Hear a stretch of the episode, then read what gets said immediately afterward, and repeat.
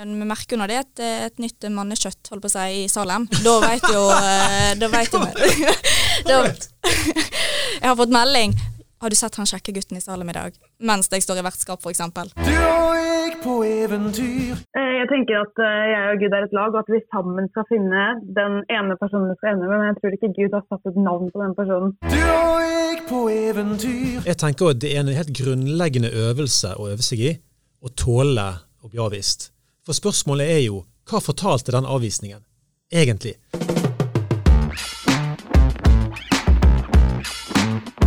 Du hører Mannspodden, jakten på mannsidentitet. Bli med Andreas Skjelde og Einar Helgaas på din vei mot autentisk maskulinitet.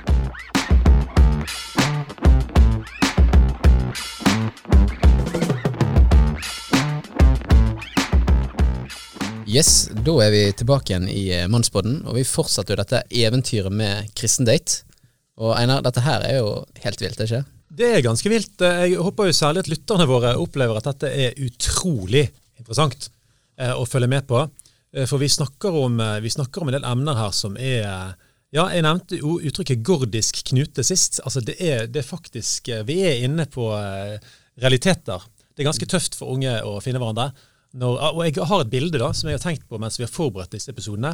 Ser for meg eh, gutten og jenta står på hver sin side av en stor mark, og der er det masse miner gravd ned. Eh, og så, hvor skal jeg gå? Så er det så mye miner at man gjerne lar være å gå. Og da er poenget at vi holder på med minerydding i dag.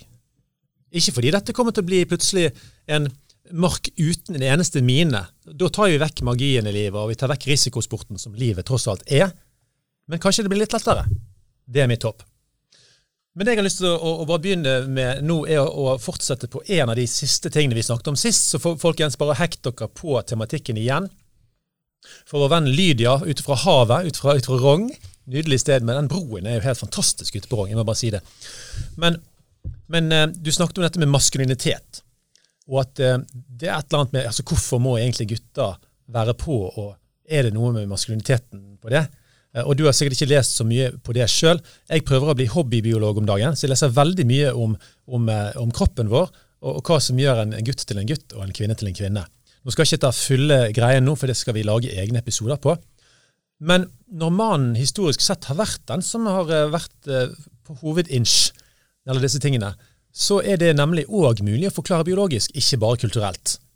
Eh, For når, mannen har 15 ganger mer testosteron i kroppen enn en kvinne, så er det veldig mye trøkk i det testosteronet. testosteronet. Det er ulikt fra mann til mann, selvfølgelig, men i utgangspunktet så har vi mye trøkk i oss. Og hvis du ser på statistikker fra alle verdens mulige sammenhenger, så, så kan en oppdage det. Eh, og da kan, en, da kan en tenke at ja, men det vil ikke vi bry oss om. Her er det helt fritt og åpent, alle må gjøre, finne en vei. Delvis riktig, men vi kan ikke hoppe over biologien. Sant? For jeg tror at når guttene får tak i sin egen maskulinitet og hva den er, så handler det om å forvalte det på en god måte, og i forhold til dating. Og, og eh, Oppgaven til Hans Christian, du må gjerne kommentere dette, viser jo òg at eh, majoriteten av eh, unge kvinner vil at mannen skal innse. 95% for å være helt nøyaktig. 95, ja. Veldig bra. sant? Eh, Det må vi ta hensyn til. Og samtidig kan vi ta hensyn til at både jenter og gutter og ser jo at uh, jentene kan òg være med på, og det gir òg gode resultater. Så Jeg sier ikke dette fordi jeg skal ensrette det, men vi kan ikke hoppe over biologien, for den eh, er jo tross alt det vi er lagd av. Jeg, vil bare si at jeg er veldig enig, og sjøl har jeg jo liksom Jeg har jo mest lyst til en gudskapsinitiativ, og da tror jeg de fleste jenter vil, men det skjer jo ikke. Så da er jeg litt der. Kom an, skap din egen lykke, spør ut. Tørk, hold på å si, børst deg av skuldra hvis det, det ikke gikk som du tenkte. Eh, så jeg er, jeg er veldig enig i det du sier, og jeg tror det ligger noe i det. Så bra. Og, og igjen, vi sier vi kommer til å jobbe mye med dette i Mannspodden, fordi vi ønsker å sette mot i unge menn til å finne ut hvem de er, and go for it. Come on. Yes, og da, det her eh, tar jo oss videre, da, for det at menn og kvinner er jo forskjellige, da. Eh, Og det vi skal gå inn på, det er liksom kjærlighet ved første blikk. Jeg vet ikke om noen av dere har blitt forelsket eh, med bare å se på noen. Ristes og Ja. nikkes. Jo, altså, jeg har jo det. Um, jeg var jo på uh, Oase, en sånn sommerfestival. Og der sitter du jo på en måte i en sal. Og så er det jo uh, plutselig så ser jeg bare en, uh, en jente da som sitter liksom litt lenger borte for meg. Og så, og så skal jeg på en måte høre på talen samtidig så jeg har et lite eh, blikk bortover. Og det, det var Jeg har merka at det, var, det her var det noen gnisninger. Dere kvinner. Nei, jeg har aldri blitt forelska med første blikk. Aldri? Nei, jeg har ikke vært forelska noen gang. Så ja, for å være helt fullstendig ærlig. Så jeg har bare betatt av folk og liksom kjent denne her, og han er veldig kjekk, og, og liksom, jeg har jo fått på å si, Vi merker når det et, et nytt mannekjøtt holdt på å si, i Salem. Da vet jo eh, Da vet jo Jeg har fått melding. Har du sett han kjekke gutten i salen i dag? Mens jeg står i vertskap, f.eks. Så eh, det er sånn, jeg kan jo bli Jeg har blitt betatt og sånn, men jeg har aldri kjent på den der eh, Eller ja, aldri kjent på den der forelskelsen. da. Så du må på en måte begynne litt fornuftig. Sant? Han, han kan sikkert bli en bra far for eventuelt våre barn. Ja, Han kan vel gi en sjanse, men også kan forelskelsen komme. ja. Marte, har du eh, noen Ja, altså, det forelsket med kjærlighet første blikk? første blikk. Eh, Kjærlighet ved første blikk, det spørs jo helt hva man legger i ordet kjærlighet.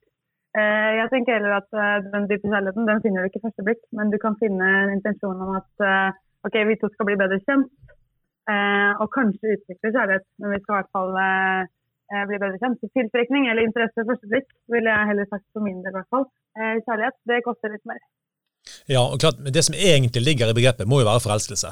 Det er vel det som ligger i det. Det er vel det som egentlig menes, tenker jeg. Så jeg tror det er på sporet. Ja, men jeg, jeg støtter jo også Simon. Jeg òg har jo følt på de følelsene. Bare sett en jente og bare Hva skjer her, liksom?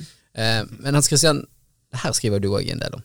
Ja, jeg er så vidt inn på dette her med at eh, en, det var en amerikansk eh, studie som så det at eh, Ikke en studie, det var en, eh, en ganske enkel undersøkelse som viste det at eh, av kristne menn så trodde 58% på kjærlighet ved første blikk. At det var en, at det var en greie.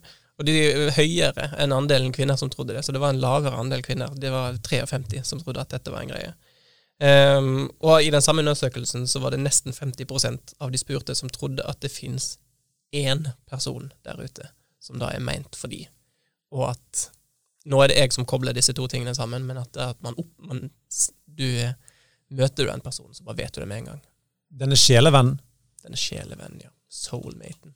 Og det gjelder mer menn, da. De tror på at det mm. finnes en sjelevenn. Ja, og det ser man Det er litt spennende med kjønn og romantikk på akkurat det, at eh, man ser det at kinesiske menn er mer romantisk enn europeiske kvinner, eksempel.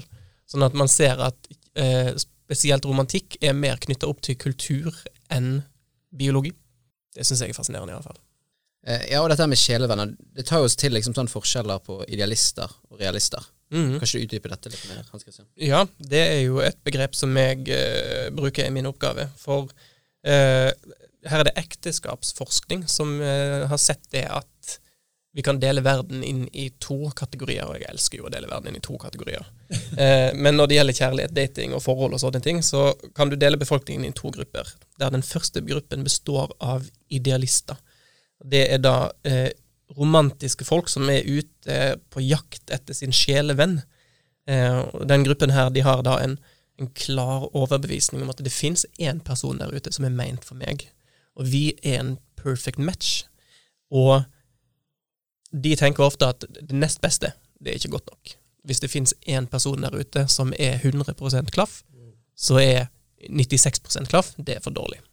Ehm, det, litt, ja, den, eh, og den andre gruppa består av realister. Dette er en gjeng som leter etter en person som de går godt overens med, og som de kan bygge Her er bygge et, et nøkkelord. Bygge et godt forhold med.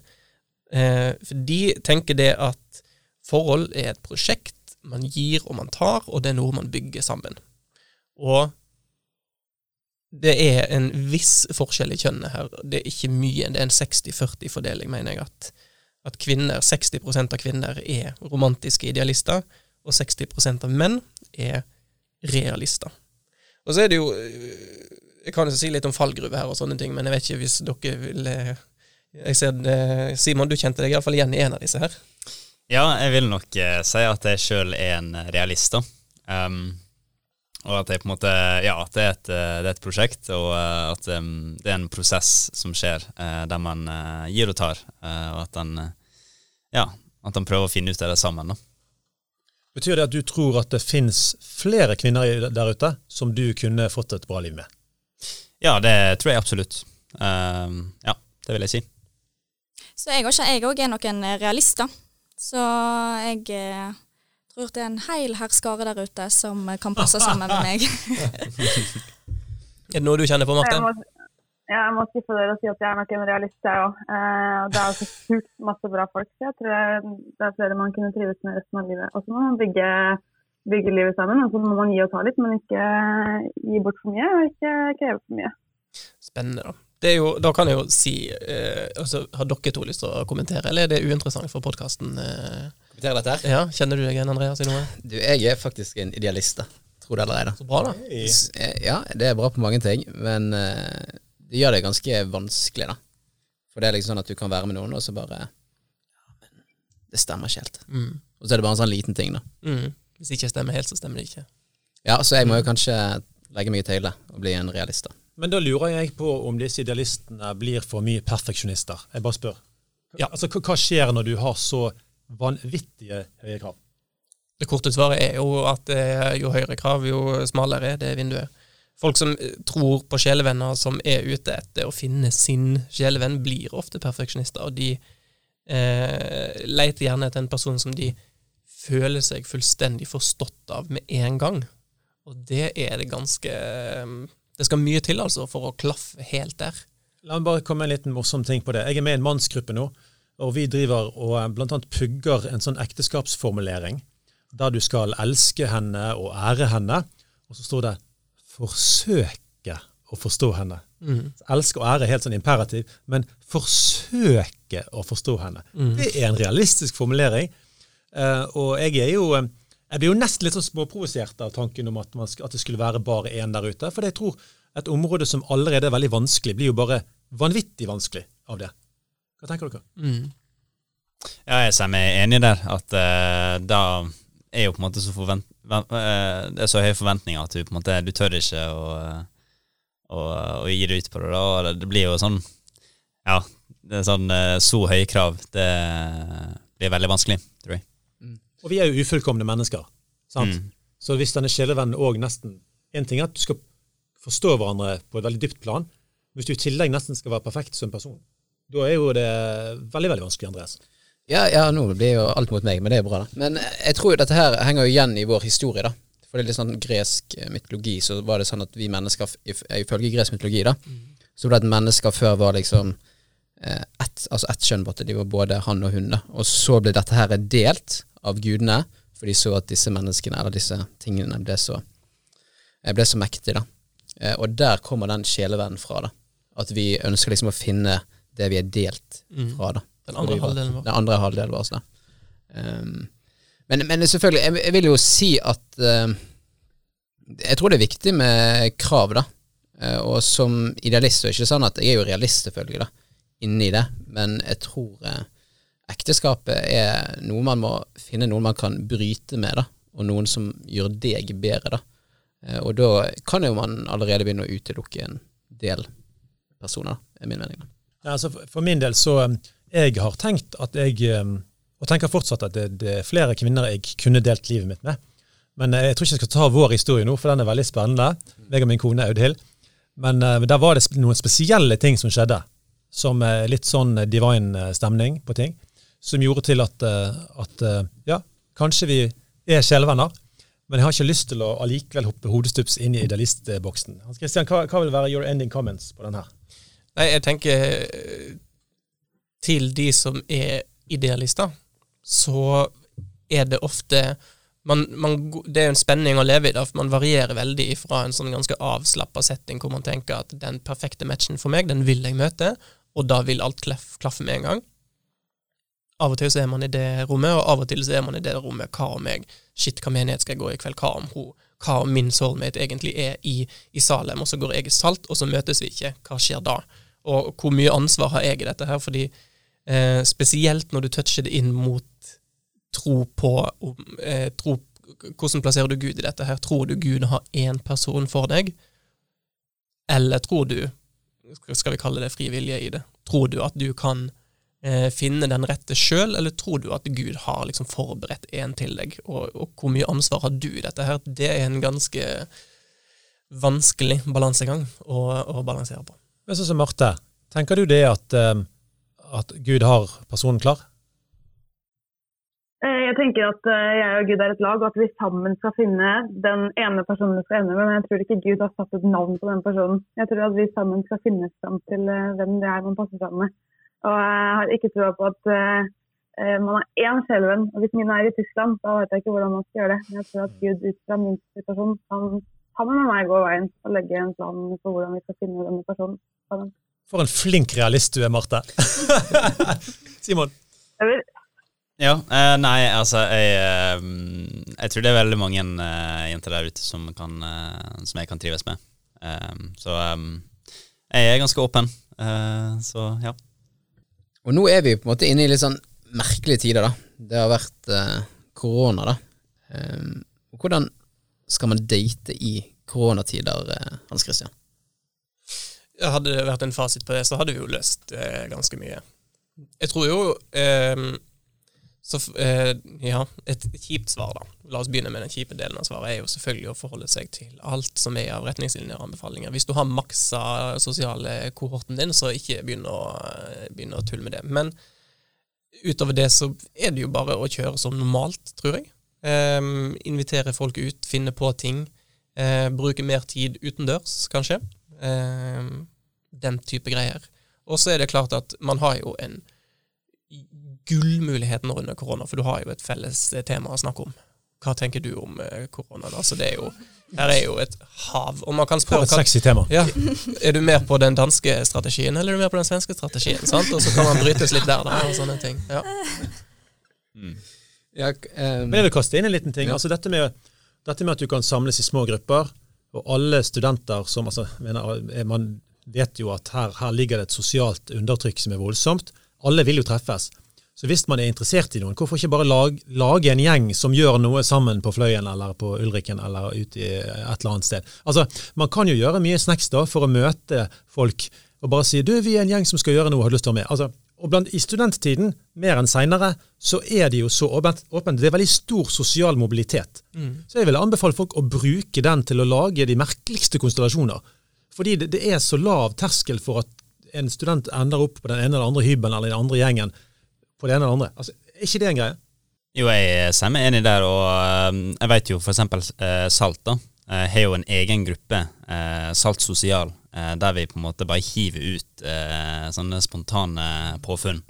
Og der vet jeg på en måte at ja, alle mulige folk kan bare like den eh, posten eller den statusen, og så hiver vi oss på, på et fjell. så det, det er jo eh, sikkert eh, veldig, veldig bra da. Gode- Du har gode erfaringer med dette? Eh, jeg har ikke sjøl blitt med på, men jeg vet at det er eh, noen eh, som har hevet seg ut på det. Ja, jeg tror vi beveger oss litt eh, videre, da. Da kommer vi til det juicy, da, som jeg liker å si. Eh, hva skal til for at dere skal be en, ut på date? Oi. uh, nei um, Hva som skal til? Um, jeg tenker at uh, jeg må på en måte ha um, Må på en måte få et inntrykk av at det er At hun kunne på en måte tenkt seg å si ja. Um, samtidig som at jeg har liksom ikke jeg kan fint spørre noen ut, altså jeg har selv, eh, nok selvtillit til å gjøre det, men det er absolutt en fordel om jeg vet at den personen kan si ja. Da. Men er det sånn at da er du interessert, forelsket, eller du har lyst til å bare se anstemningen? Jeg tror det er å se anstemningen. sjekke kjemien og ja. Ja, jeg tror det. Eh, det som skal til for at jeg spør ut, da det, det skal ikke egentlig så veldig masse til. Jeg må ikke ha vært så veldig djupt inni det. Det må på en måte bare vært en liten sånn der Kanskje jeg har tenkt litt på det. Eh, og liksom tenkt Ja, han kan jo være litt interessant. Kanskje, jeg tror så er det ofte litt sånne ting med match, eller liksom noen ting som må på en måte matche litt, da. Eh, det er på en måte ikke utseendekravet som gjør at jeg eh, Ikke at det er et krav, men det er ikke der eh, Synge de sanger sammen eller liker de samme Ja, det er sammen? ikke det det- veldig viktig i dag? Jo, jo, det er veldig viktig. Nei, det er ofte kanskje litt sånn ha, Kan vi kanskje ha litt samme tanker om livet?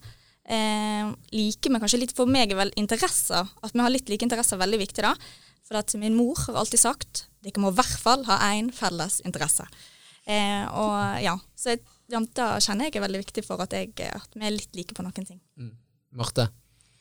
For meg så skal det ikke så mye til hos den andre personen. Der skal det bare ligge en underliggende interesse fra min side om personen. Men i meg selv så kjenner jeg at det skal ganske mye til, for jeg syns det er dritskummelt. Eh, etter både noen ja, noen kanskje og noen nei, eh, så, så ligger det litt ulmer at det her er for skummelt å spørre om, fordi jeg er for redd for å få et nei. Eh, så det er meg selv det står på, ikke nødvendigvis interesse av andre personer. Så det er hos meg det stopper for min del. Du, Jeg har sittet og tenkt en stund her nå på, på, på et område vi ikke har vært inne på. Og det er nemlig um, Altså, jeg forstår jo at det er skummelt å kunne få et avslag. Få et nei.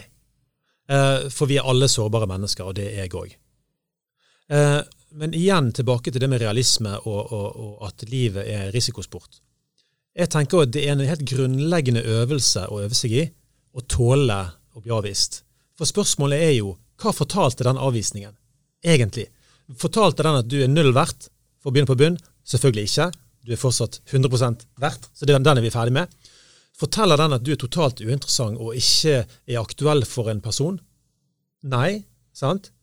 Så jeg, jeg, altså Det er et uttrykk, the snowflake generation. altså Vi, vi, vi smelter for ingenting. Vi tåler veldig lite. Eh, Den unge generasjonen nå er, er sagt til å være en generasjon som tåler veldig lite. Og Når jeg snakker om at dette er et minefelt, da sier det seg sjøl at man blir stående på hver sin side av banen og tenke at jeg har ikke tenkt å, stå, å, å, å gå med mine bein inn i dette, denne galskapen her. Men jeg vil anbefale folk å jobbe med å øve opp litt tjukkelse på huden, og tåle litt avslag, og, og, og kunne gå videre. Men Marte, her er du Ja, altså For min del så tror jeg ikke det er avslaget fra én person som, som det står på, men det er rett og for at denne personen skal gå ut og si til vennene sine at Marte ba meg på date. Eh, At det skal bli en snakkis i kirka, at det ikke ble noe av.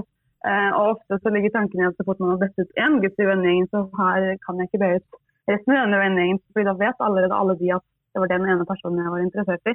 Og da er redselen om at, og det skal bli en snakkis. for selv om vi er kristne folk som tar godt vare på hverandre, så eh, er det ikke nulltoleranse for litt rykter. Jeg husker i, i Stavanger, da, vi, da jeg bodde der og gikk i Imekirken, så hadde vi en, eh, en ganske bevisst kultur i studentgruppen, dette begynner jo å bli ti år siden, at man sa alltid ja til første date. Rett og slett øh, Og man holdt seg ansvar, hverandre ansvarlig på det. Jeg husker jentene var ganske, ganske hard med hverandre på, på disse sosiale kodene. At hvis de ble invitert ut og sa nei, så ble de sett på som Eller de ble ikke sett på som noen som ødela kulturen, men det ble en sånn der eh, Det er veldig egoistisk da, å si nei, og de ble holdt ansvarlig på at vi sier ja til den første kaffen eller daten Mm. for å bygge en god kultur som ikke er basert på frykt. Ja, jeg er meg enig der. Um, og så er det jo på en måte en, en tendens at det skjer ganske lite i kirka. da, Og at når det først skjer noe, så skal alle hive seg over det. Og på en måte bare Oi, nå skjer det noe. Kanskje de skal bli en greie, liksom. At det, på en måte, det må være rom for å på en måte spørre folk uten at det blir en snakkis, da. Og uten å stemple hverandre. Altså Punkt én. Det må skje mer action i kirkene våre, folkens. Det må ikke være sånn at det mest gøye som skjer, er når venninna blir spurt ut av en gutt, og så skal man mase og styre om det og henge seg opp i det og begynne å spre rykter. Altså Gi folk fred til å finne hverandre, for det er en prosess. Første daten er ikke sikkert nok, ikke andre heller. og sånn. Og så Folk må få lov til å få gjøre dette i ro. For så Her vil jeg bare formane ethvert studentmiljø i Norge til å roe seg ned og gi folk fred. Mm. Og der er jo kanskje også faktisk korona en eh, liten fordel. For jeg husker i Stavanger så var det ganske mange som var nervøse for å gå og ta en kaffe i sentrum. For hva om det kommer noen fra kirka og ser at vi er ute? sant? Så der var det jo enkelte som dro til Sandnes for å gå på date. For å slippe alle de spørsmålene. Og det tenker jeg jo nå, når, eh, når folk sitter hjemme på hyblene sine, så er det jo gylne anledninger her til å gå ut og ta en kaffe uten å bli eh, gjenkjent på gaten. Altfor dyrt med buss til Sandnes òg. Ja, men yes. Ja, men jeg tror vi begynner å gå egentlig inn for en landing her, da. Eh, og eh, da tenker jeg at vi skal ha litt spørsmål fra lytterne våre. Og da har vi fått inn eh, et spørsmål som alle her kan svare på, selvfølgelig. Ja, og det spørsmålet fra vår side, da, det er sånn Når det kommer til aldersspenn i kristen dating, hva er viktig? Er det noen regler, eller hva? Altså hvor gammel Altså Hvor avstanden gammel, mellom ja. um, Jeg tenker at uh, det går jo litt på livsstadiet òg, da. Uh, at um, på en måte Hvis du em, Hvis du er til jobb, eh, og så er du på en måte student, at på en måte Det kan skje litt sånn forskjellige ting der. Um, men sånn i utgangspunktet så tenker jeg at det, det meste går greit ju, ju, hvis du har kommet opp i en viss alder, da. Alder har ikke så mye å si, eh, men eh, jeg er veldig enig i at det her med hvor en er, da. Hvis en på en måte er ferdig med studiet som f.eks. mann, da, og eh, neste liksom barn og kone og bla, eller kone og barn og sånne ting, så er det på en måte kanskje ikke det lureste å begynne med en student som studerer førsteåret. For de er mest sannsynlig ikke der. Så jeg tenker litt sånn livsstadie er på en måte kanskje viktigere enn alder. Jeg tenker at dette med alder er en privat sak. At eh, ingen skal bry seg eh, hvem andre skal date og hvor gamle de er. Men eh, helt greit for min del hvis mine kompiser ikke legger seg opp i min lille søster sin alder, f.eks. Det har litt sånn med alder å gjøre også. Men, men apropos vi var i du, vet du, friendzone tidligere. altså Hvis man har vært i friendzone veldig lenge og er plutselig blitt eh, gutt 25, eh, nesten ferdig utdanna, så er det nytt år og august, og så kommer det nye jenter inn eh, i eh, studentmenigheten. Er det noen som har gjort seg tanker om at eh, de må holde seg unna, de unge studentene? Eller er vi åpne der òg? Nei, jeg tenker vi er åpne. Salem, altså. Kjempebra. Ja, jeg, altså Salt henger seg på den, altså. Fila. Jeg er helt enig. Det spørs jo hvor, eh, hvor lenge man skal vente. Hvis man er 30 og det kommer 19-åringer, så eh, begynner grensa å stå snart. Men øh, hør på. Eh, Fersk blå i kirka er bra for utsikten til kjærlighet. Ja, helt enig. Absolutt. Høstjakta er en viktig del av, av det å være student. Ja, Konge. eh, veldig bra, folkens. Jeg tror vi må gi en applaus til eh, Lydia, Simon og Marte. Veldig bra. Takk for at dere var med. Det var veldig, veldig modig at dere stilte, da.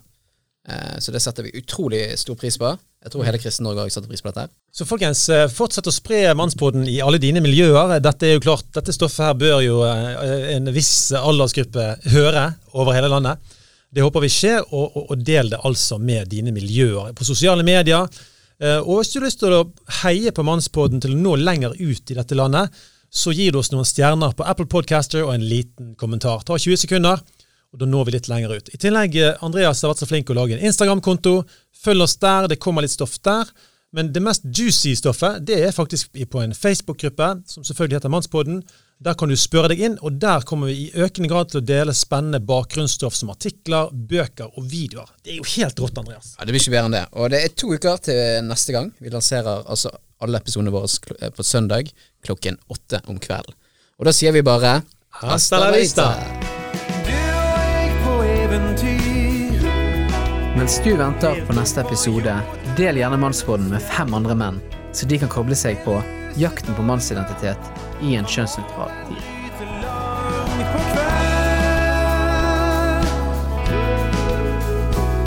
Men så kan jeg bli så fristet til å slå meg til ro. Og la din skjønnhet beruse meg og bli min havn. Det er da jeg våkner opp igjen og drømmer for oss to.